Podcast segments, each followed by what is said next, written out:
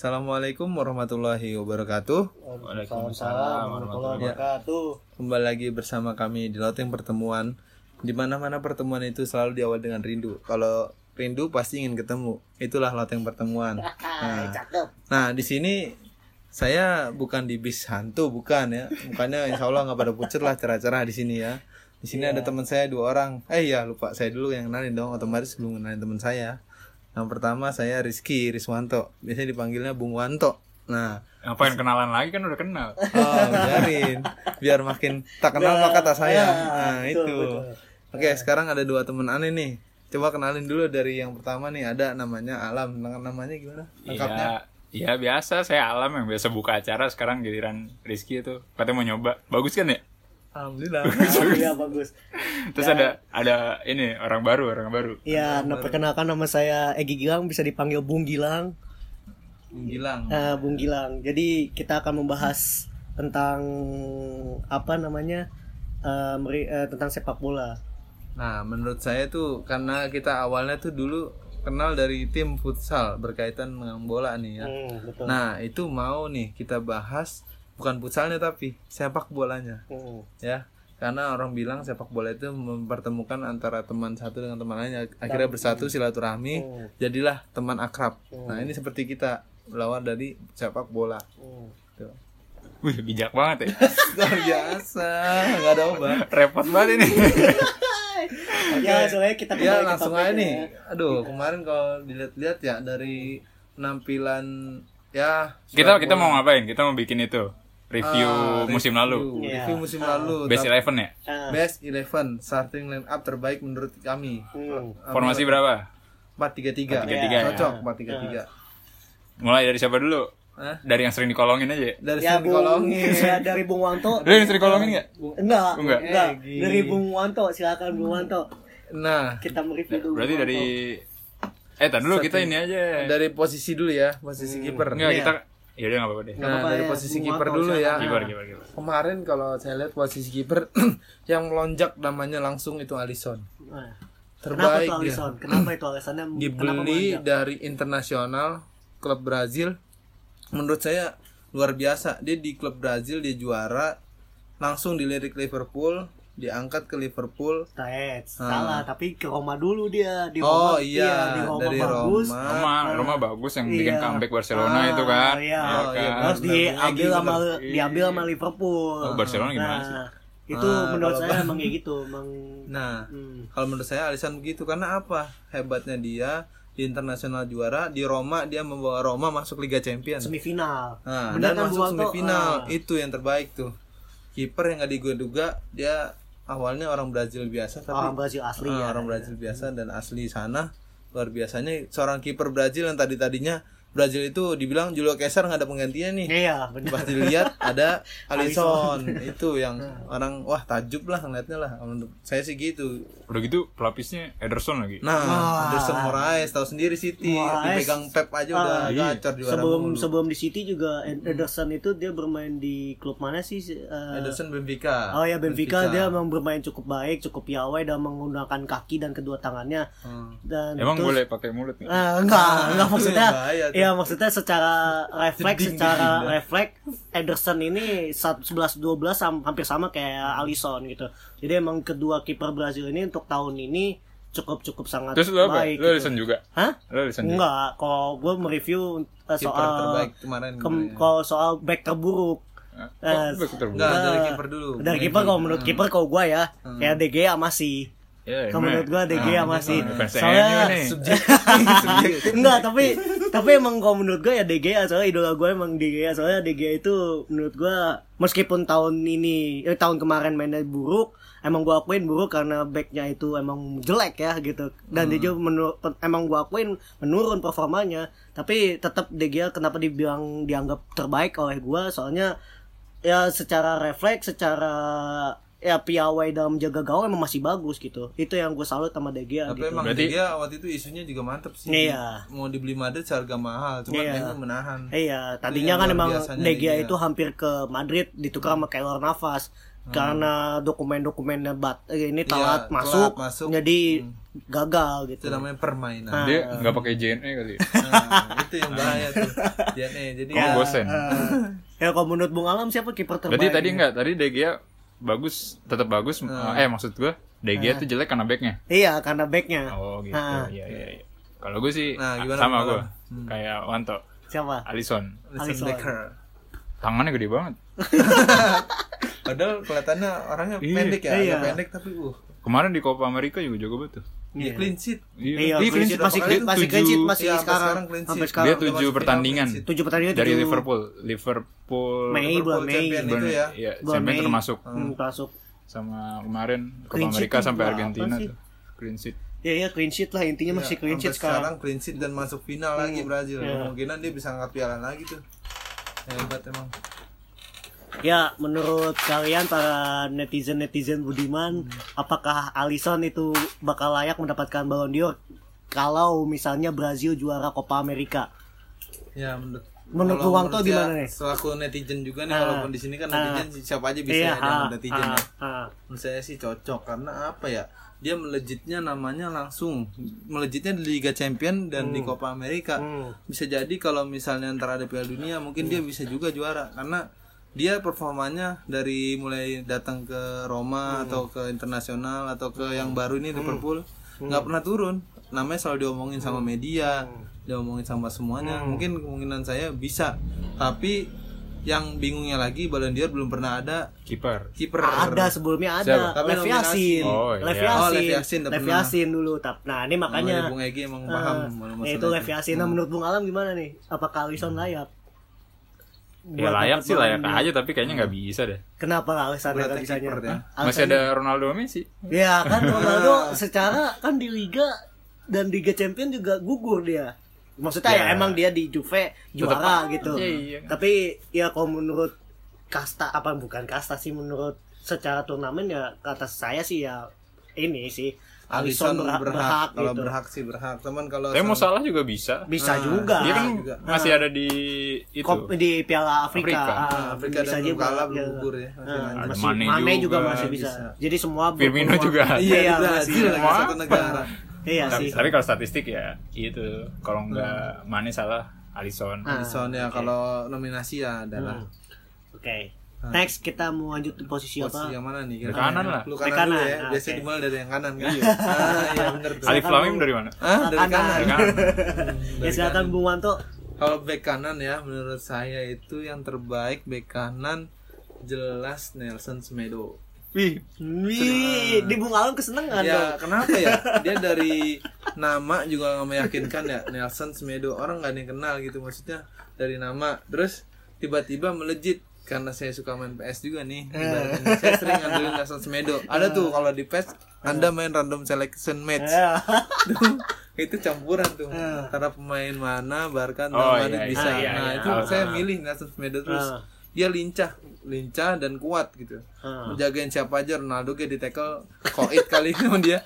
Karena dia sangar juga sangar dan dia nggak pernah indisipliner lah. Saya bagus lah cara permainannya Semedo. Ya, kalau menurut gua eh, back kanan terbaik musim ini tetap Trent Arnold lah dari Liverpool. Meskipun gue fans MU ya gitu. Soalnya kenapa? Trent Arnold ini secara skill, secara permainan sungguh-sungguh sangat luar biasa ya. Ketika meng-comeback Barcelona itu free kicknya sangat-sangat cerdas Free gitu. Free kick eh, corner? Maksudnya Ah, corner, corner cornernya itu sangat cerdas Kreatif gitu. tuh. Ketika para back Barcelona belum siap, si Trent Arnold langsung melepaskan umpan dan Origi langsung masuk itu pem- sebuah pemikiran yang sangat luar biasa gitu. Itu, itu menurut padahal seorang back ya Ah. seharusnya seorang back kanan itu dia lebih milih lemparan out Iya, daripada ah. corner Ah, ah. tapi begitu inisiatif dia mungkin cerdik ya Iya, ah. Arnold itu bisa lah Nah, itu makanya alasan gua memilih Trent Arnold itu ya emang karena dia mau bener-bener luar biasa Dan bermain muda juga ya, masih Ah, muda dia. ah, masih muda, masih berusia 22 tahun gitu. Ya, itu 20 tahun saya ngapain dulu ya Oh, 20 sekarang- tahun apa 22 tahun? Baru tahun baru kemarin Iya, kali. baru kemarin ya, ya. Ah, ya, kalau menurut Bung Alam siapa nih? Eh, back kanan Gue terbaik. masih bingung antara Dani Alves sama Alexander Arnold. Kenapa, Kenapa tuh? Kalau apa Dani tuh? Alves kenapa Oh, alasannya? Bung. Dani Alves ya kayak dari um- di umur segitu dia masih bisa menunjukkan performa kayak orang umur 27. Eh, oh ma- jadi kelihatannya iya kayak gagah banget dia ya umur berapa 35 ya? 35. 35. Dani Alves 35. Tapi kalau nggak salah Dani Alves sekarang kapten ya di Kapten. Brazil. Kapten Brazil, kapten Cuman bagus Brazil. banget mainnya. Bener-bener. gitu. Itulah kenapa si Neymar dicoret ya karena Alves memiliki leadership yang cukup baik gitu. Tapi masih ada Thiago Silva yang cocok. Kan Tapi Thiago Silva Saya emang masih main dia. Saya ngeliat Thiago videonya loh. Ah, Si Alves itu ah. mengobrak-abrik Argentina kemarin. Iya, Hmm. Memberi asis ya kalau nggak Iya, salah asis. gol. Itu wah luar biasa bener. tenang banget mainnya. Hmm. Tapi kalau konsi- konsistensi musim kemarin ya Alexander Arnold lah. Iya kalau Arnold saya Iya. setuju sih kalau masalah starting line up terbaik ya Hmm. Hmm. line up kemarin. Lanjut Berarti- nih geser. Berarti tadi kanan Saya Semedo Semedo. sama dua Arnold. Alexander Arnold. Ya. Terus back tengah. Back tengah nih. Eh back tengah apa back kiri dulu? Back tengah ya? Back tengah aja biar nyambung. Iya, iya, tengah iya. kanan tapi Tengah, ya tengah kanan. Kalau bahasa PS-nya apa Ya, sih? sama aja lah. CB ya. Tetap back CB, juga. CB, Aduh. center back gitu. Hmm. Kalau membahas back tengah sih Gimana Bung Egi? Bung Egi kalau musim ini ya Virgil van Dijk lah. Virgil Eh, van Dijk. Virgil van Dijk sih. Dia emang secara permainan juga bagus, terus juga pertahanannya juga solid ya. Ketika waktu lawan Barcelona di leg kedua itu sangat menakjubkan bisa menahan gempuran dari Suarez dan juga Lionel Messi ya dan Coutinho juga gitu. Jadi tiga pe- penyerang maut ini masih bisa dihandle sama Virgil van Dijk gitu. Itu menurut gue back paling bagus untuk saat ini gitu. Kalau menurut saya ya back Hmm, tengah. Wah, Nah, menurut saya itu back tengah karena berhubung saya ada Blues Chelsea ya. Hmm. saya lebih memilih David Luiz. kenapa tuh alasannya? Serius, serius David Luiz. Iya, serius. Karena kenapa ya? Dia di backing dengan siapa pun atau di backup dengan siapa pun dia kuat. Christensen dia kuat, Aspili dia kuat. Akhirnya apa? Dia menyelamatkan gawang Chelsea krusial pada lawan apa waktu itu di Piala Eropa, eh, apa di Liga Eropa itu. Dia krusial tuh di garis garis gawang, udah menjelang garis gawang dia sliding kayak biasa waktu di Piala Dunia 2010. Dia pernah Bu- Bukan itu, itu konfederasi. Itu Ah, konfederasi. 2013, maaf, maaf. Nah, Itu kan konfederasi. itu jadi kelantur kan. Nah, saya menurut saya itu bukan masalah Blues Chelsea juga sih saya melihat dia tuh dipasangkan dengan siapa pun dia cocok. Itu cocok dan dia konsisten jadi tim inti. Hmm. Menurut saya sih itu dan membawa Chelsea jadi juara Liga Eropa. Jadi bukan Smalling nih back terbaik. Nah, Itu pemain mana? main mana ya? Kayaknya duh jauh sekali menyeberang ke sebelah ya. Kalimalang FC. Kota kali. London ke kota Manchester tuh jauh. Jauh, jauh iya. sekali. Yang menurut Bung Alam back Iya, Bung terbaik saat nih? ini sama. Kita Sama. beda-beda nih. Sama, Oh, Virgil van Dijk. Virgil van Dijk Dijk. Soalnya dia gondrong. Makanya. itu. kan ini yang dibahas skillnya. Gondrong, dikuncir lagi kan sangar ya. Gondrong alasan. Enggak, enggak. Ya, emang kayak dia punya statistik yang ini ya, bagus ya. Apa eh, jarang ada pemain yang Bisa melewati. Iya, melewatin dia kan. Ah, satuan by one ya. Heeh. Ya. Kayak yang krusial tuh yang lawan siapa ya? Terakhir tuh pemain ini Pas lagi di negara kemarin. siapa tuh nggak ada di klub waktu Di itu klub ya? ngelewatin satu pemain si Newcastle Mikel Mer- Merino bisa ngelewatin Virgil van Dijk itu satu-satunya pemain Satu-satunya orang. Ah, satu-satunya orang yang bisa ngelewatin Virgil van Dijk dan menurut statistik yang ada di Opta Joe gitu loh Terus Berarti Virgil van Dijk itu terbaik Iya. sebelah kanan ya, back Ah, tengah sebelah back kanan tengah, terbaik. ah, ah, itu terbaik gitu nah, lanjut. Lanjut pasangannya Back- Virgil van pasangannya. Dijk yang cocok siapa nih kira-kira yang back tengah nih? Siapa dulu? Dari siapa ya dulu nih yang kira-kira? menurut nih? Bung Wanto Nah, menurut saya ya kalau back tengah terbaik itu dari Barcelona, siapa Gerard Pique. Oh. Oke, masih, masih. Saya lebih memilih dia karena apa? Konsisten. Dia selalu menjadi tim inti ya. Sama seperti Bosquet tidak pernah diganti. hmm. Padahal dia membeli banyak tuh back sampai Yerimina, sampai siapa Om Lenglet. Titi, Lenglet ya. Dia nggak pernah keganti, Hmm. nggak pernah kegusur gitu. Hmm. Kenapa? Soalnya di Spanyol pun walaupun udah pensiun ya, tetap juga nggak ada penggantinya dia.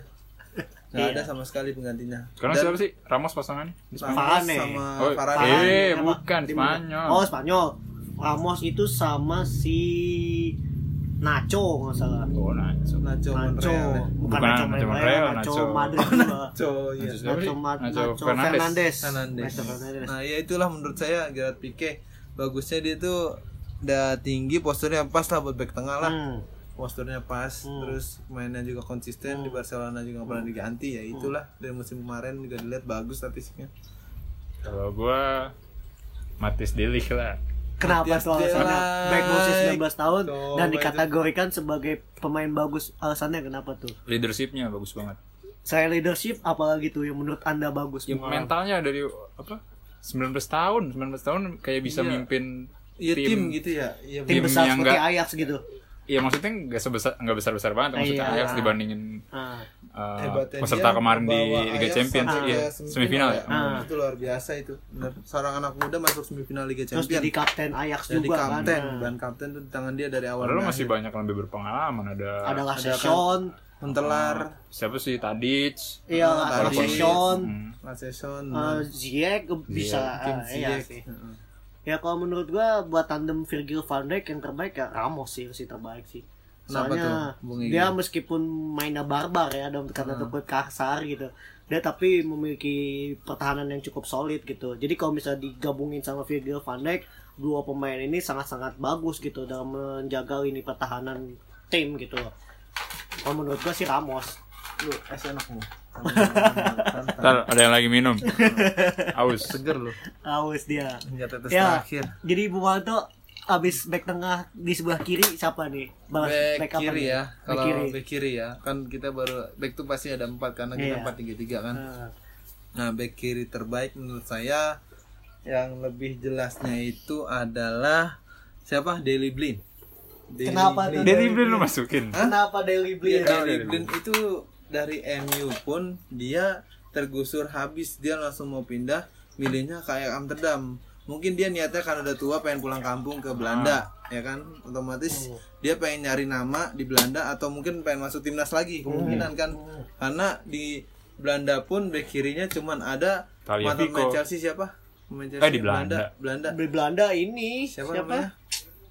Ah, ada lah pemain pokoknya. Chelsea dulunya pokoknya dia tuh. Nah Martin Cindy Ah, bukan Matis ini Mas Stock City. Aina ya Aina kalau nggak salah Aina, oh Aina. Iya, Laina. Nah, Aina. walaupun ada pemain muda tapi Blind ke- kemarin kalau nggak salah Belanda tuh dia masuk lagi. Tapi selain Ola Aina masih ada Jethro Williams dong. Jethro Jet- Williams Ah. dari mantan pemain PSV Eindhoven dia pindah ke Eintracht Frankfurt itu juga ya, menurut tapi gua menurut saya itu. tetap Blind karena dia Ah. memutuskan pindah dari MU ke Liga Belanda itu berat gitu. Iya. Maksudnya dari tim yang besar dia memutuskan pindah ke Ajax Amsterdam ternyata dari karir MU dan Ajax tuh lebih tinggi dia di Ajax. tapi Bagus kan iya, tapi kan dia di Ajax jadi back tengah berpasangan dengan Matis Delik, sedangkan di kirinya ada Tagliafico. Nah, kenapa menurut Anda Hmm. bisa saya dikategorikan tahu Dele Blind tuh Ah. semenjak di MU dia di posisi kiri makanya saya pilih bek kiri Oh. Dele Blind karena dia bisa kalau dipasangkan di bek kiri bisa oh dipasangkan di boleh boleh tengah. boleh bisa bisa bisa Jadi kayak gitu. multi apa multi multi talent. multi fungsi Multi gitu. multi fungsi Oh, bisa. ah, oke oke.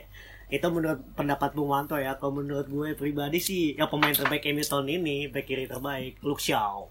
Luke Shaw. Ah, Luke Shaw. Dia kalau nggak salah pernah patah kaki ya. Tapi ya itu waktu di musim 2014 eh 2015 2016 ketika waktu lawan PSV Eindhoven di tackle sama Hector Moreno dan kaki dia patah dan 9 bulan absen dari lapangan hijau dan menurut kayak ibu mengandung ya Ya. Ah, itu yang Dan bahaya. menurut gue kenapa dipilihnya. Luke Shaw karena secara mental kan habis patah kaki itu kan pasti kan mental setiap orang kan pasti down ya. Hmm. Ya kan bener nggak dong? Betul, betul. Secara fi- secara fisik, secara mental pasti down Ada gitu. trauma juga Ada tuh. traumatik Hmm. juga. Nah, di musim ini kenapa dibilang bagus Shaw dan dia berhasil mengangkat mental dia dia sendiri gitu. Sempat dicap sama Jose Mourinho sebagai back kiri terburuk ya karena memiliki Hmm. berat badan dan juga tidak memiliki fisik yang cukup kuat untuk bersaing buat di tim utama gitu dan akhirnya dia bisa membuktikan bahwa Luke Shaw itu bisa comeback bisa lah comeback gitu Hmm. comeback stronger gitu bahasanya gitu Iya, boleh, itu boleh, salut boleh. sekali gua gitu hmm.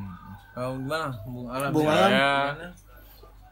Eh, back kirinya itu Jordi Alba sih Tetap Jordi Alba. tapi Andre Robertson juga bagus nah jadi Andre mau Robertson. agak di Alba Nah, apa jangan Andre ya iya Eh, kurang Robertson apa Fokus dulu, fokus ke Alba satu. nih Kira-kira Bung apa? Alam Jordi Alba sih Jordi Alba. kenapa Jordi alasannya Apa Jordi mungkin Alba Anda enggak iya enggak juga itu yang bahaya tuh. Jangan deh. Jordi Alba karena eh dia tuh musim ini ya kayak lebih diandalkan aja gitu. Selain salah satu pemain kunci selain Messi ya. Karena kan strateginya Valverde gitu kan. Ah, gitu kan kenapa tuh Bapu kan. Kesinya, Bapu. Kalau nggak Messi ya Suarez. Ah, Suarez. Terus palingnya nyerangnya dari Jordi Alba. Ya, dia, dia dia maju ya. mundur, iya kan? Terus asis terbanyak sekarang juga kalau ngasih ke Messi tuh kalau nggak salah Alba. Yang bisa tandeman sama Messi cuma Alba doang kayaknya sekarang. Iya, jadi ibaratnya dia Setelah hilang Iniesta. maksudnya dari ukuran tubuhnya hampir sama juga ya tingginya dari Alba sama Messi. Terus permainannya ya sama sprintnya kencang juga. Jadi tandem lah tandem terbaik ya benar tuh kalau masalah back kiri benar Alba saya setuju Ya ini menurut kita bertiga ya, menurut Beda-beda netizen jadinya ya nih ya. beda-beda itu. beda Kalau mau dijudge boleh, ntar akun Instagramnya saya kasih satu-satu. Jangan dong. jangan sampai haters mending nama persaudaraan ya lanjut ke posisi apa Bung Alam? Gelandang, Posisi gelandang. Bertahan siapa dulu nih Gelandang bertahan. kira-kira? Gelandang bertahan. Ya Bung dulu Anto. nih. Ah, Bung Anto. gelandang bertahan itu menurut saya ya tetap sih si Siapa? Thiago Alcantara saya ngefans banget sama dia dari dulu. Kenapa? Ngefansnya. Soalnya dia tuh konsisten mau pindah-pindah klub mana pun tetap aja bagus liatnya. Mau dari Barca juga dia sebenarnya pilihan kan. Walaupun akhirnya kegusur karena ada Bosquet yang nggak pernah digantiin ujungnya.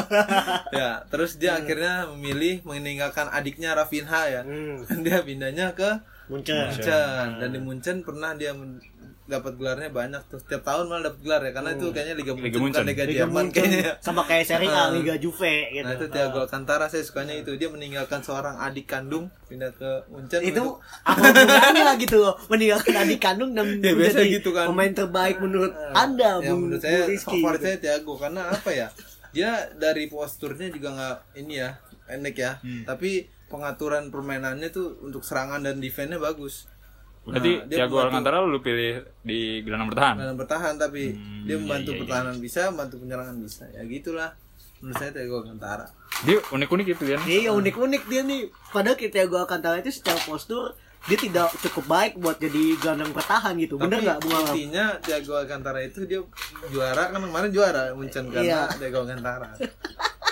Iya, oke itu pendapat Bung Rizky ya. Itu lah. Kalau menurut pendapat gua pribadi yang yang paling the best defensive midfielder terbaik ya Sergio Busquets dong pastinya dari Barcelona. Soalnya dia, dia itu se se role play-nya itu di playing playmaker bisa dan jadi halfback juga bisa gitu. Dia mempunyai akurasi umpan yang cukup baik gitu di setiap matchnya gitu. Dan passing akurasinya itu bisa sampai hampir 90% ke atas kan, bener kan? Hmm. Sergio Busquets itu. Dan itu yang menurut saya kenapa dimasukkan sebagai gelandang bertahan terbaik itu karena memiliki akurasi umpan dan memiliki apa Ketenangan. ketenangan yang cukup baik dan Bisa juga mengatur ya, nah pengatur pola irama permainan bagi sebuah tim itu patut diacungi jempol menurut gua Nah kalau terakhir nih Bung Alam Bung? Alam. Siapa ya? Bertahan. Gelandang bertahan tuh siapa ya? Gelandang masih bertahan. banyak ada Fabinho Iya, sebenarnya ada banyak. Busquets Fabinho kayaknya lebih ke back kiri. sih. Nabi Eh, back Keita. kanan. Oh, Nabi Keita. D- DMC pak barang sama Jordan Henderson Kalau dipilih bisa Jordan Henderson juara ya bisa Nabi Keita. Nemanja Matic Mungkin bisa Pjanic, bisa Ah, Pjanic. bisa Kenal bisa. Matuidi. Ya itu terserah Bung Alam gitu. Bisa Kayak Casemiro deh bagus sih. Kenapa Oh, kasih merah? karena Ini mirip unik Asnawi. ini. Hah? Mirip Asnawi banget. Bung Alam. Alam. Nah itu kenapa menurut Bung Alam Kenapa? Gak ada gelandang bertahan yang se-energik dia sekarang. Jadi bukan Busquets nih menurut Anda, Bung Bukan. Alam. Busquets letoy banget. Kalau nggak salah Casemiro juga dipanggil timnas Brazil ya. Iya. Sampai sekarang main terus. Main. Main, Main. up. Main Bareng bareng, main. bareng backupnya sama Fernandinho dia Nah, itu. di negara. Ya kalau Dan ya. setahu saya itu yang bisa merepotkan Messi Casemiro. Casemiro. Hmm. Oh jadi itu alasannya Bung Alam Iya. memilih Casemiro sebagai back eh sebagai Sebagai gelandang bertahan. Dia postur sama Thiago Alcantara nggak beda jauh lah.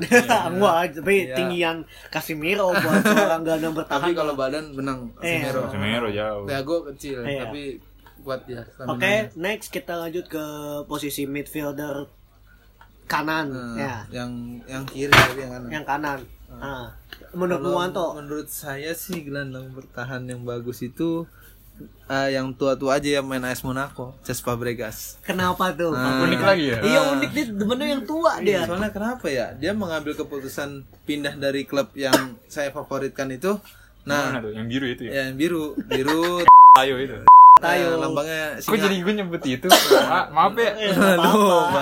Ayo Nah, biarin dia. pokoknya Ayo. intinya itu logonya ya, ada singanya ya. Ah. Intinya dia tinggalnya di London, nah, klubnya di London. Nah, Hmm. terus eh, kenapa saya memilih Fabregas? Menurut saya itu bijak dia memilih apa memilih AS Monaco. Karena takutnya kalau di Chelsea dia membeli Kovacic dia nggak dapet tempat dong. Ah. Dia menurut saya bijak karena kepemimpinannya mulai dilatih dari Spanyol, pernah jadi kapten juga kan, pernah kan, Iya, terus pernah jadi penyerang juga karena dia padahal gelandang bertahan Hmm. awalnya. Dia berani masuk ambil keputusan di penyerang karena Spanyol nggak punya penyerang. Waktu itu semenjak dia ke Costa masuk kan jadi Hmm. Apa naturalisasi lah. Nah dia akhirnya masuk ke penyerang di Hmm. Costa. Nah di situ saya bagusnya saya Fabregas gitu dari umpannya pun akurat sih.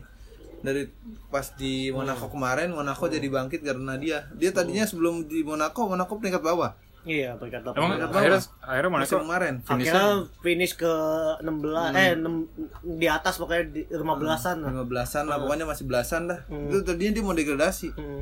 Mau degradasi itu setelah mencat Thierry Henry ya? Iya. Ah, mencet setelah Henry, mencet tapi Thierry Henry datang masuk si hmm. si Jardim lagi. Jardim nah itu Monaco sih menurut saya sih saya Fabregas cocok dia dari umpannya akurat ya dari bijaknya juga mungkin bijak banget gitu karena dia memberikan waktu yang besar untuk anak-anak muda yang masuk ke Chelsea jadi dia memutuskan pindah ke Monaco ya itulah Baik menurut saya ya. Fabregas Ini unik ya Bung Wanto Hmm. ini milihnya. Ya oke, nggak apa-apa itu kan menurut Bung Wanto ya. Ah. Dan menurut gua pribadi sih gelandang terbaik di sebelah kanan ya Pogba sih.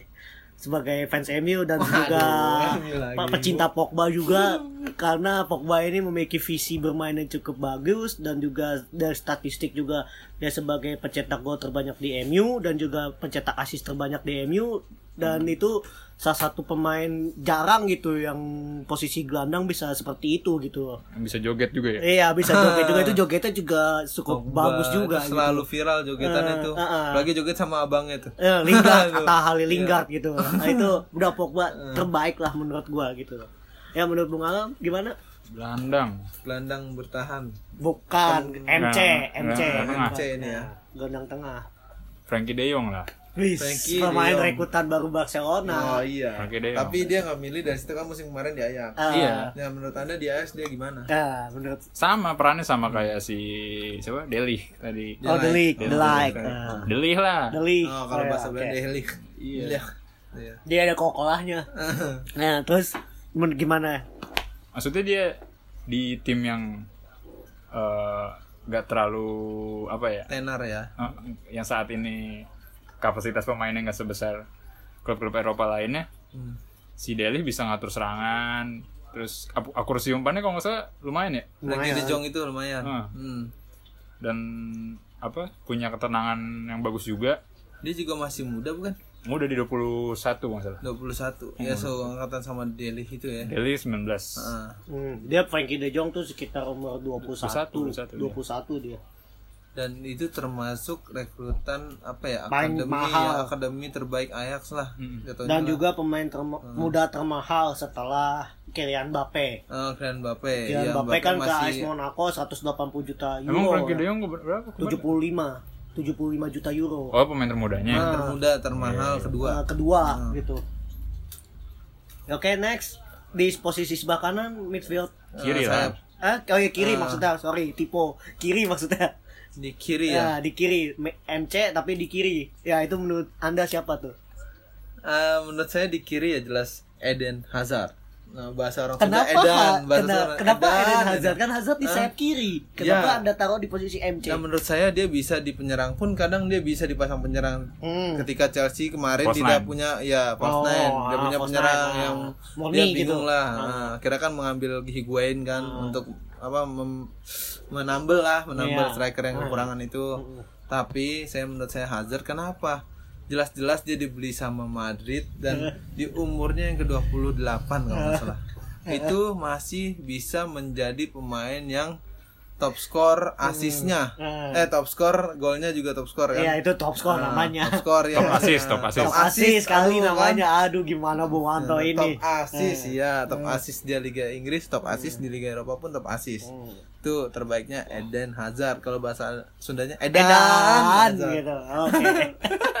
Oke, next menurut gua eh, midfielder di sebelah kiri itu jatuh kepada Kante, tandemnya Pogba. Tandemnya Pogba. Nah, di timnas Prancis juga ya, nih. ya, karena Kante itu sangat-sangat bagus ya, bisa bertahan, bisa menyerang dan juga dari statistiknya juga dia sangat mem- mem- mumpuni lah dalam melakukan supaya-supaya bola ke lini depan ke Iya. ke lini mana pun gitu. Itulah kenapa Kante diibaratkan memiliki paru-paru yang cukup banyak gitu. Dia hebatnya, Ah, hebatnya. gelandang bertahan nomor 7 ya. Iya, Hebatnya ah. itu. Ya itu Kante Bertahan nomor menurut. Paru-parunya ada banyak lah gitu kalau menurut gua pribadi gitu. Padahal- Dia bisa maju mundur Hmm. maju mundur itu luar biasa sekali gitu. Paru-parunya bisa dijual buat beli iPhone ya. ya bisa kalau misalnya emang orangnya mau dijual bisa gitu. Dan hebatnya Kante itu Eh. dia murah senyum ya. Iya murah senyum dia humble sekali gitu dan dia Islam pastinya agamanya gitu. Nah, Dan, semua ah, semua yang apa kaitin nama Kante itu Hmm. di Prancis pun dia punya LL sendiri, di Chelsea pun punya LL sendiri. Hmm. Hebatnya Kante itu terlalu apa ya kalau bergaul ya?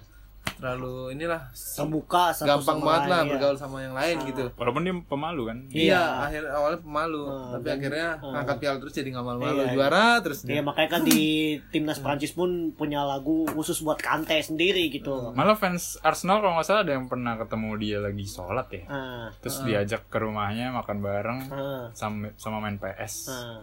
Itu ya fans Arsenal gitu kan. Iya, rival Rivalnya. ya kan, iya, rival. respect, Rival ya. respect sama Respeknya cukup tinggi gitu loh. Itu cukup luar biasa sekali. Oke. Next menurut Bung. Alam Bung siapa Alam itu? apa? Mungkin Eden Hazard juga. Tadi gue masukin itu sih. Siapa? Jordan Henderson. Henderson. Kenapa? Kan Henderson kan DM, Hah? bukan MC. iya makanya. Udah gue masukin Arthur aja. Oh, Arthur, deh. ya. Pemain Barcelona kan dimasukin. Arthur Ya, kenapa itu? Itu menurut gue the next Xavi Barcelona. Kenapa tuh Xavi. bisa dikatakan the next Safi? Dia dengan kemampuan yang apa ya bisa dibilang simple sih sebenarnya. Cuma eh, balik badan, puter badan, dia bisa ngelewatin satu dua pemain walaupun udah terpojok gitu kan. Padahal Udah triknya kali. gitu doang ya Maksudnya kalau orang lihat gampang lah gitu Ah, doang ya. Tapi nyatanya dia punya trik yang lain gitu ya Tapi karena pelatihnya itu ah, Valverde. Valverde ya. Valverde. jarang dimainin. Ya. Dia sukanya nggak tahu deh tuh Iya. mainin Vidal ya kan. Dan Terus- dia pun masuk timnas Brazil juga Iya, masuk masuk timnas dia. Brazil. Tahun ini buat Copa America dia masuk. Kunci loh di situ. Kunci dia. juga padahal ya Barang sama Lukas Pakita dari Lukas Milan. Paqueta iya Pakita, dipanggilnya Pakita soalnya dalam bahasa Brazil Indonesia, seperti itu. Indonesia banget soalnya Ah. Paqueta Pa- Pakita dipanggilnya gitu. Menurut gua kemarin dia bisa lebih bagus lagi sih harusnya. Ah iya, Arthur. emang Kalau iya dikasih harusnya gitu. kesempatan main lebih banyak ya Ah. Enggak kalau pelatihnya bukan Valverde. Dia nih Bung Alam ini nampaknya Iya. sangat kesal dengan Valverde ya Valverde. Semenjak Barcelona di comeback oleh Liverpool Aduh, gitu kayaknya. aja lah Enggak lah dari dulu. Oh, dari dari, sebelum dulu. di comeback Roma juga udah kesel. Oh udah kesel udah. Jadi menurut anda tuh harus didepak ya? Harus deh. Oh, harus didepak. Oke. Next kita ke posisi mana? Kalau perlu dibayar aja lah. ya. Dibayar gimana? Dibayar, Ah. bayar berapa gitu ya udah keluar gitu ya. Oke oke. Ini tiga, cu- tiga pembahasan nih, yang cukup ya. menarik ya. Empat tiga tiga berarti di sayap kanan ya Sayap kanan sayap kanan Ah. apa kalau bahasa ininya RWF. RWF ya right wing Ah lu mainnya PES sih. aduh FIFA dong. FIFA. Mainnya FM dong. FIFA RW RW. RW Football manager dong. Manager apa? IF, Attacking midfielder right. AM Pokoknya AMR. banyak lah Iya, juga lah ya. karena kalau di football manager AMR di FIFA disebutnya RW, di PES disebutnya RWF. Selaku gitu. Indonesia banget di Ah, sayap kanan lah Iya. ya menurut Bung Wanto atau Bung sayap silakan kanan. penyerang sayap kanan. dulu nih maksud saya lagi yang Yaudah. pertama coba yang. Kanan. Oke Bung Alam dulu yang biasa terakhir yang pertama nih Mau salah lah. Mosa Wow. inspirasi ya Iya. Ya perannya sangat besar musim ini ya. Bawa Liverpool juara Liga Champions. Hmm. Walaupun gak sempat main ya pas comeback lawan Barcelona ya. Iya, main ada cedera dia. Cedera. ya. dia. Terus ya gitu. Emang gitu gimana tuh? dan hebatnya salah itu ya dia top skor tadinya udah sendirian tuh Iya. ya tapi di Sadio akhir akhir Mane. Eh, Sadio Mane, Sadio Mane. Mane, yang Ah, Aubameyang sama Mane. tapi Iya. intinya top skor pertama kali dia di Liga Itu trio. Afrika ya. Yang Iya, Afrika, Afrika Gabon. semua, Gabon Senegal Oh, Senegal sama Mesir. Eh, Mesir, Egypt, Egypt. Egypt. Jadi salah nih Bung Salah. Alam. Muhammad Kenapa tuh salah. salah permainannya gimana tuh musim lalu cukup konsisten. Eh enggak, walaupun sedikit menurun ya. Ya, Menurun sedikit dari- lah. Dalam jumlah gol ya. Ah, jumlah- karena cedera juga kan. Iya. Ya bagus lah. Salah. tuh kenapa? Apa dia ya gimana mungkin dari gitu? triknya membantu Ah, serangan juga ah. bagus yang membuka ruang juga hebat Iya. ya dia Walaupun kalau di Liverpool kayaknya dia perannya lebih ke depan ya, lebih digantung di Lebih ke- depan. iya. Jadi inside forward karena Firmino itu Firmino dia- lebih turun. Iya, Ah, kan ke ruangnya bagus. Firmino sama ini kan itu. jatuh, jatuhnya kan jadi di playing forward Iya, gitu. dia di playing forward. Di playing forward itu dia sebagai tembok, sebagai pe- sebagai pemantul lah gitu, sebagai pemancing buat back lawan untuk me- apa sih namanya? Apa bang bang? Apa namanya? Eh, Mancing lawan ke depan. Kalau- Iya, untuk merebut lah apa gimana membuka ruang lah gitu Hmm. buat pemain lain masuk gitu. Seperti Salah dan Mane gitu lah. Itu lah gunanya Salah gitu loh. Oke, itu cukup masuk akal Ya. lah. Ah, Ya bukan masalah emang terbaik Emang dia sih terbaik kan sih, masuk salah. nominasi Ah. Ballon d'Or juga bisa dia. Iya. Bisa, bisa. Bisa, bisa. bisa banget. Bisa banget malah. ah, ya iya. menurutnya yang kedua deh Bung Egi gimana? Ya kanan. menurut gue ya saya sependapat, sependapat dengan Bung Alam gitu. Salah emang musim ini top performance banget gitu. Membantu Liverpool juara Liga Champions pertama dan juga top skor lagi setelah musim lalu 35 gol, musim lalunya lagi yang awal debutnya dia dan musim ini emang menurun berapa jumlah gol 20 gol ya sama Aubameyang ya musim ini. sama Aubameyang. Iya. Iya kan ya? Iya, Top kalau skor nggak Ballon salah, 20 gol kalau nggak 20 salah tuh. Ya itu benar-benar luar biasa sekali buat Kalau nggak salah 20 gol berarti Mane. Iya. Iya, Kalau nggak salah 20 gol berarti salah, Mane. Iya Mane. Karena kan top scorer Mane salah Aubameyang. Nah, iya, kalau ya pokoknya salah dia pemain yang konsisten lah salah itu secara statistik gitu loh. Oke, Bung Rizky lanjut gimana? Wing kanan Wing sayap kan- kanan, sayap kanan. atau sayap kanan ya. Menurut saya sih yang terbaik itu Wah dia bingung, Ronaldo ada. oh Aduh gimana nih? Masih ada Cristiano Ronaldo CR7 dulu di Madrid ya sekarang nggak ada tuh kembang-kembangan CR7 semenjak di berarti Juventus. CR7 kanan. Ah iya, maksudnya CR7 ya Cristiano Ronaldo. Hmm. Kenapa tuh Ronaldo? Saya agak bingung nentuin Ronaldo atau yang satu lagi tuh Lionel Messi. Hmm. Kenapa Ya, tuh? Karena kenapa ya? Ronaldo itu di Juventus masalah gembor-gemboran beritanya masih kurang seperti di ini, seperti waktu di Madrid. Hmm. Dia top skor iya, maksudnya terus uh, apa kontribusi buat klubnya juga iya. Masuk Ballon d'Or juga pasti kan kalau pas di Madrid. Cuma kalau di Juventus Hmm. semenjak uh, mungkin ya karena fans fans Italia lah terlalu Iya. keras ya. Ah. Dibilang tuh Italia tuh yang memulai apa? Fans-fans apa tuh yang garis keras tuh? Oh. Oh, Iya, Hooligan. Hooligan, Nah, Hooligan. mungkin karena itu ya. Jadi Kalau Ronaldo Italia mungkin namanya apa? Tifosi. ya? Tifosi, Italia tifosi. Italia tifosi. Tifosi. Hmm, Italia tifosi bener Bung Egi. Kalau Indonesia apa? Kalau Indonesia barbar. Anti barbar club. barbar club. Nah, terus Ronaldo itu menurut saya ya bagus karena dia ya di Portugal juga termasuk kapten ya mimpin semuanya padahal di situ ada juga pemain yang seumuran dia kan Quaresma terus PP. ya PP juga berhak kan sebenarnya jadi kapten Iya. tapi Ronaldo yang saya suka mulai dari kembali lagi ya ke musim yang dulu ya Hmm. dia berhasil digantikan karena dicederai sama Payet digantikan terus dia menjadi pelatih seperti asisten pelatih dia menyemangati Rekan-rekannya ya ketika ketika pemain 10 orang mulai pemain. ya buntu maksudnya bukan 10 orang pemain juga maksudnya ketika dia keluar Hmm. kan biasanya orang cedera mah istirahat ya dia mah enggak dia demi negara dia niat karena negara ingin Juara ya gitu. berprestasi lah juara gitu kan Itu jadi 2016 ya. Ah, Iya, maksudnya di review. Maksudnya kembali itu gitu jadi motivasi juga Iya. sih Ah. sebagai pemain-pemain yang lain misalnya ya ada yang mendengar nih ya Hmm. jangan patah semangat ketika kalian cedera padahal cederanya masih bisa diobatin masih bisa jalan Seenggaknya- bisa diurut ya. ah diurut lah kalau bahasa Indonesia Diurut diurut lah dong. seleo lah Jangan jangan diurut bahaya. bahaya Bahaya. kalau urat bahaya ahlinya aja. Heeh. nah terus ya Ronaldo juga sampai sekarang pun orang eh, favorit lah sama dia Ronaldo Ronaldo Ronaldo gitu selalu sebut nah ada itu kalau misalnya masalah sayap kanan nyerang Ronaldo Ya cukup menarik sih ininya. Ya oke, Ini mau kita bahas sayap kiri. Sayap kiri dulu ya? Sayap kiri dulu aja. kita. Sebelum- Bung Alam, gimana Bung Alam sayap kiri? Sayap kiri Cristiano Ronaldo. Guys, kenapa tuh Ronaldo tuh? Ya, karena dia Ronaldo gitu. Ya, nggak ada hubungan. Gak ada lawan. Gak ada hubungannya. Siapa lagi? Kenapa? ya emang ada Eden Hazard yang Ah. lumayan bagus kan musim ini. Tapi yang Ah. ya yang stabil ya Ronaldo berapa- berapa musim tuh dia? Dia Di Madrid 4 musim. 4 musim, 5 musim di Madrid. yang bisa konsisten uh, hampir setiap musim tuh Ronaldo sama Messi doang kan. Iya sih. Iya, Benar sih. Di usia yang sekarang berapa tiga 35 udah masuk tiga lima ya? Bukan tiga empat? 35 35 35 masuk Iya, 35 masuk Nah, 35. Dani Masuk Alves. masih bisa Ah, konsisten ya? Iya, konsisten umurnya kayak orang anak muda ya, padahal. Umurnya. Masih bisa ditaruh sayap lagi. Sebenarnya muda. kan biasanya usia-usia segitu kan penurunan performa ya. Iya. bener nggak? Tapi ini malah di puncak karirnya malah makin naik gitu.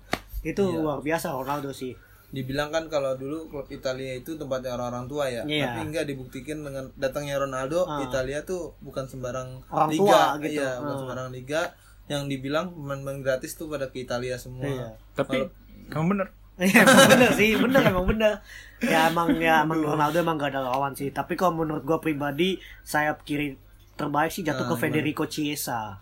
Federico Tahu Chiesa, dong, pemain pasti dong. Fiorentina ya. Iya, pasti Ah. tahu dong Iya, iya. Federico Chiesa. Federico Chiesa kenapa lo nggak masukin Rashford aja Ah enggak, itu Rashford sebenarnya bagus. Sebenarnya sayap kiri itu banyak bagus bagus. Ah. Ada Martial, ada Rashford, ada Hazard, ada si siapa Fornals apa siapa segala macam ada Payet ada siapa. Tapi menurut gue yang paling memukau tuh Chiesa gitu loh. Hmm. Chiesa di Fiorentina bisa membawa Fiorentina lolos dari jurang di, di zona Degradasi. degradasi dan Ah. juga dia secara performance di klub juga cukup baik terus juga di Spanyol dia baru saja eh di Spanyol di Itali maksudnya eh, di Euro dia bermain sangat baik ya ketika mengalahkan Spanyol U21 dengan mencetak dua gol itu sangat-sangat luar biasa permainannya ciamik sekali Federico Chiesa ini jadi kenapa alasan gue masukin Chiesa secara statistik dan juga permainan emang Ini dia cukup, unik ya, cukup unik Nah, nih baru dengar Ah. pemain Fiorentina masuk Ah. starting line up. Itu baru dengar lah. Bagus lah untuk Bung Egi. iya Nah, kalau lanjut nih ya. yang lanjut buat ke bekas saya nih ya. ujung tombak apa Saya belum Eh, sayap kiri sayap belum. kiri. Kiri belum. Oh, Aduh, sabar, maaf, sabar, maaf, sabar. Maaf. amat nih ya. Kalau misalnya maaf. menurut saya ya sayap kiri terbaik itu ya negeri Opa, tahu Son Heung-min. Oh, Son Jelas ya, Heung-min. pemain Asia pertama masuk final Liga Champions setelah Park Ji-sung, Mas. Ya, aduh itu salah lagi tuh.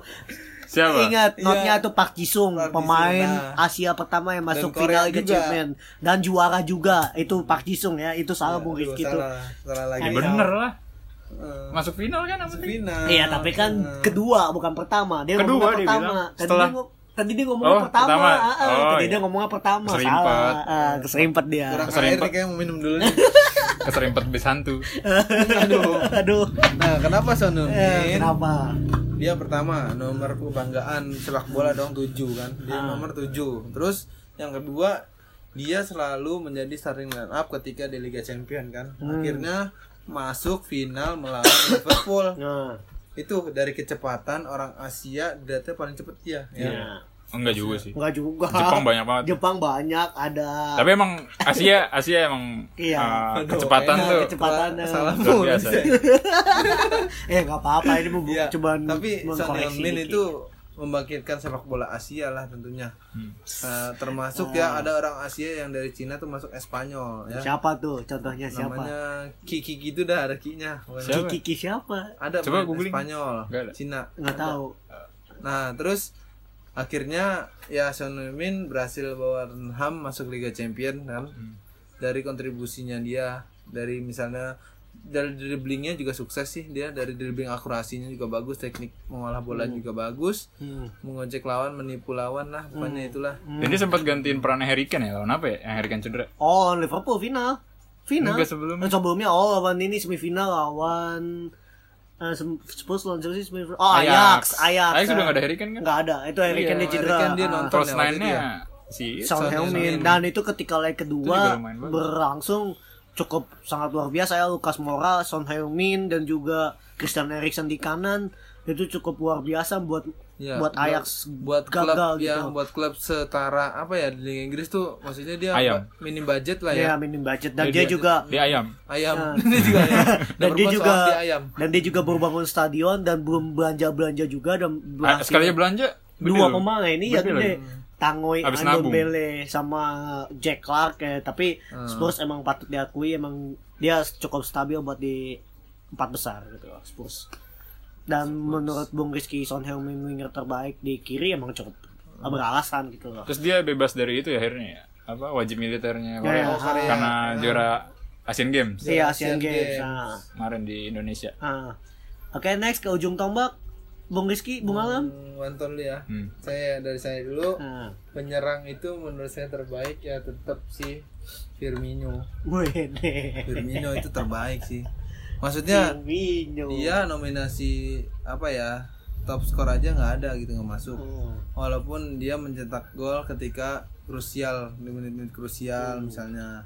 Terus ah, dari posisinya juga dia nggak selalu di apa target man. Iya. Dia tuh lebih Bisa memilih lebar. membuka-muka ruang, meng- mengasis. Terus dari olah bolanya juga kan namanya orang Brazil ya, olah bolanya ya terkenalnya bagus lah. Kayaknya Brazil mau kakek-kakek nenek-nenek juga bisa bola ya. Nah itu kampung Itulah bola sih, Brazil, iya, kan negeri bola kan lah. Negeri sepak bola, samba, Brazil tuh. Gak akan ada habisnya dia Iya, tuh. talentanya masih banyak di luar sana striker-striker hebat gitu loh.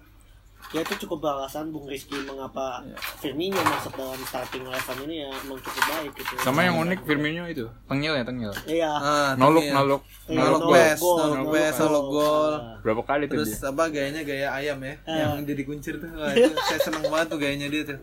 Selebrasinya tuh hebat banget dia. tuh. Oke oke oke oke. Cukup beralasan. Nah, Oke, Bung. Alam. Bung Alam gimana? Gua Hyuga Kojiro. Siapa tuh? Aduh. Aduh itu itu kan? animasi Jepang itu, Iya. Tsubasa itu. Kapten Enggak, enggak, Tsubasa. enggak. Siapa itu? Kira-kira yang di kalau di Hyuga Kojiro di animasi di realnya siapa nih? Enggak lah, enggak beda ini beda. Oh, beda, beda. Beda karakternya jauh. Oh, beda, beda. Lionel Messi lah. Oh, Messi tuh. Messi lah. Oh, Messi, Lionel Messi. Messi. dia. Pecinta Messi sejati. Kalau diomongin Messi sih nggak ada habisnya sih. Ah iya, Pak Messi mah. Sulit ya. Iya kayak kayak Ronaldo ya udah karena dia Messi gitu kan. Tapi yang saya lucu ketika uh, orang searching Messi gitu ya di mana pun ya di Google gitu kan Hmm. Messi Messi. folder Messi Argentina dulu folder Argentina dibuka lagi folder Argentina Heeh. trofi Messi dibuka lagi empty Oh, jadi nggak iya. pernah ada Nggak pernah ada. trofi Iya, dari iya. negara padahal dia di gadang-gadang tuh pemain terbaik dunia tapi nyatanya di negara kontribusinya kurang sih Eh, bu- sering masuk kalau final ya kalau menurut gue bukan kontribusinya kurang sih. Nggak tahu kenapa ya Argentina tuh pemainnya emang ba- harusnya bagus sih, harusnya bagus pemainnya cukup cukup bisa lah bersaing lah iya. ya. Tapi nggak tahu kenapa kayak kemarin tuh pas lawan Brazil gue nonton kayak tim yang nggak pernah main bareng kayak tim yang nggak pernah latihan bareng eh, jadi kalau di ibaratnya passing asal dipanggil-panggil gitu ya karena dia mungkin udah punya nama atau udah ya nggak nggak tahu sih Bukan. itu Oh, bukan. Ya, kayak strateginya aja mungkin ya kurang kayak misalnya kalau ngebuka ruang terus kalau di passing pemainnya udah lari duluan atau giliran pemainnya belum lari udah passing duluan passing gitu ya. duluan. iya jadi kayak apa Ya, lucu aja kurang, lucu iya ya. chemistry kurang banget kayak cuma emang terus passingnya ke Messi mulu gitu kenapa ya Hmm. padahal eh, dia, dia juga nggak pernah starting nggak pernah full starting kayak masang di Maria di Bala Aguero barengan nggak pernah pasti Messi Messi Aguero sisanya nggak jelas. Nah, sisanya siapa gitu sih? Sisanya nggak jelas, Yang nggak tahu masuk lah. Iya udah karena ya mau gimana Lionel Messi Kalau ya? bahas- Lionel Messi. Kalau membahas Messi tuh nggak akan habis gitu loh. iya. Messi Ronaldo Messi Ronaldo nggak akan habis gitu loh.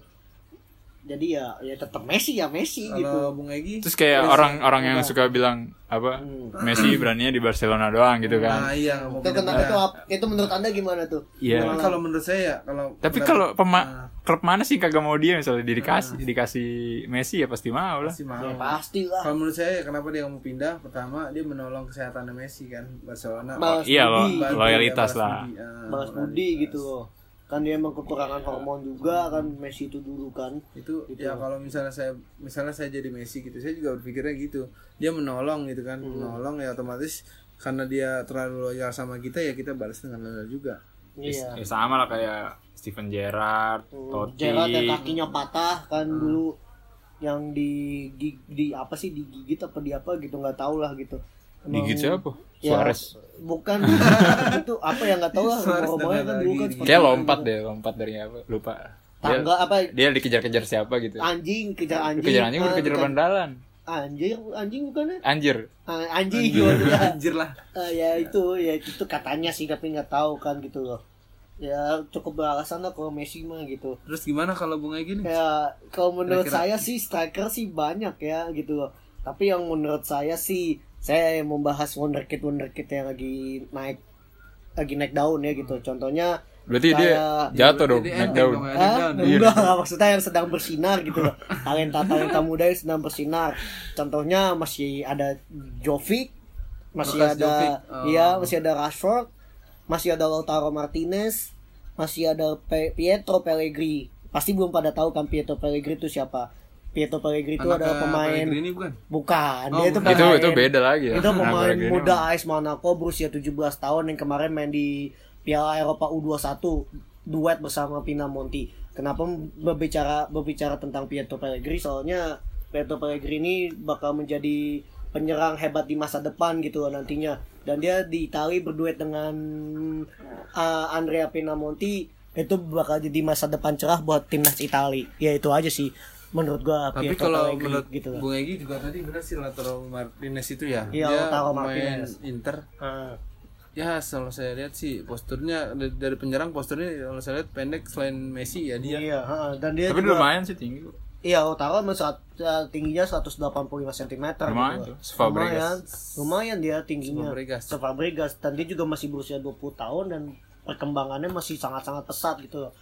Ya, menurut gua kenapa Pietro Pellegrini ya karena melihat masa depan timnas Italia yang nantinya bakal memiliki penyerang-penyerang hebat ya itu alasannya gitu Pietro Pellegrini yang berduet dengan Anton apa Andrea Pinamonti gitu Monti. Ah, jadi Pietro Pellegrini.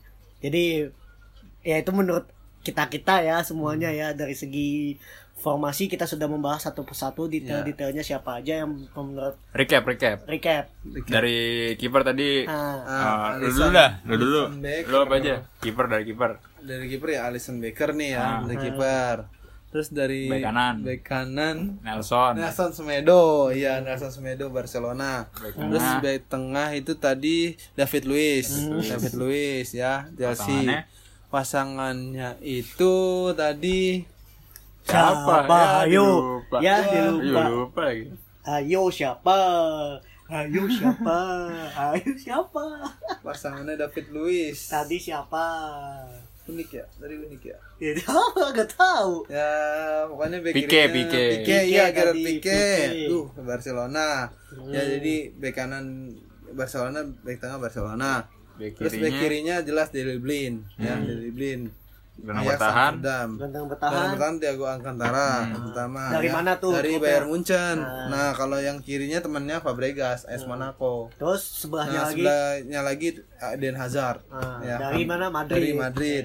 Nah, terus Bukan dari Chelsea lagi. Bukan. ya di Chelsea udah di blacklist lah. Nah, Jadi dia ke Real Madrid. Dia kesel Hazard pindah. Wing, wing, wing kanannya. Wing kanannya, Wing kanannya Cristiano Ronaldo, jelas Ah. CR7. nah, ya. wing kiri. Wing kiri tadi itu Son Heung Min, ya, Korea Selatan. Nah, terus Dari Tottenham Hotspur. terus Terus yang Ujung depannya tombak. itu ujung tombaknya tadi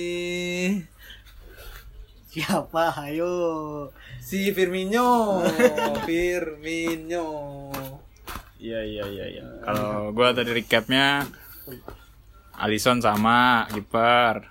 Kanan Alexander Arnold, tengah dua Belanda tuh. Van Dijk sama De Ligt. Hmm. Terus kirinya Jordi Alba, Barcelona. ge- gelandang bertahan Casemiro, Semiro Madrid. gelandang tengah kanannya eh, Frankie De Jong, terus pasangannya Arthur Melo, Barcelona. kan eh, wing kanan Mohamed Salah, Liverpool. Iya, Liverpool wing kirinya Cristiano Ronaldo, Hmm. Juventus. strikernya Lionel Messi. Tadi mau Hugo Giro nggak boleh sih. iya. Beda itu animasi. Padahal dia tendangannya macan. Ah, iya, itu animasi. Itu animasi. Itu Gue animasi. gue gebok elang lagi. Itu animasi. itu itu elang salah apaan? Dan gitu dampak tiang bolanya kempes. Iya, itu bisa ajaib ya Kapten Subasa tuh. Eh, Oke ini bukan ngebahas Kapten Subasa. Eh, Oke. Kalau dari Egi satu Ya menurut recap terbaik eh, kiper David De Gea dari Manchester United. Eh, kemudian back kanan Alexander Trent Arnold dari Liverpool. Eh, back tengah kanan tadi itu Virgil van Dijk. Eh, tandemnya yaitu Sergio Ramos. Semu- semu- apa di sebelah kirinya ada Luke Shaw dari Manchester United. Eh, dan juga midfielder DMC ya DMC defensive midfield ada Sergio Busquets dari Barcelona Eh, di midfielder kanan ada Paul Pogba bertandem dengan eh, si Kante. Eh, wing kanannya ada Mohamed Salah. Eh, di wing kirinya ada Federico Chiesa dan juga di ujung tombak ada Pietro Pellegrini dari AS Monaco. Eh lama juga rekaman nih. Ya, Ya apa-apa. Oke, kita tutup ya. Tutup, tutup. Mau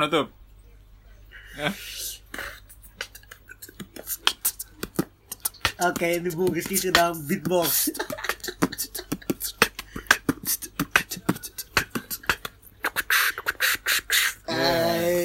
Assalamualaikum warahmatullahi wabarakatuh. Sampai ketemu lagi di episode berikutnya.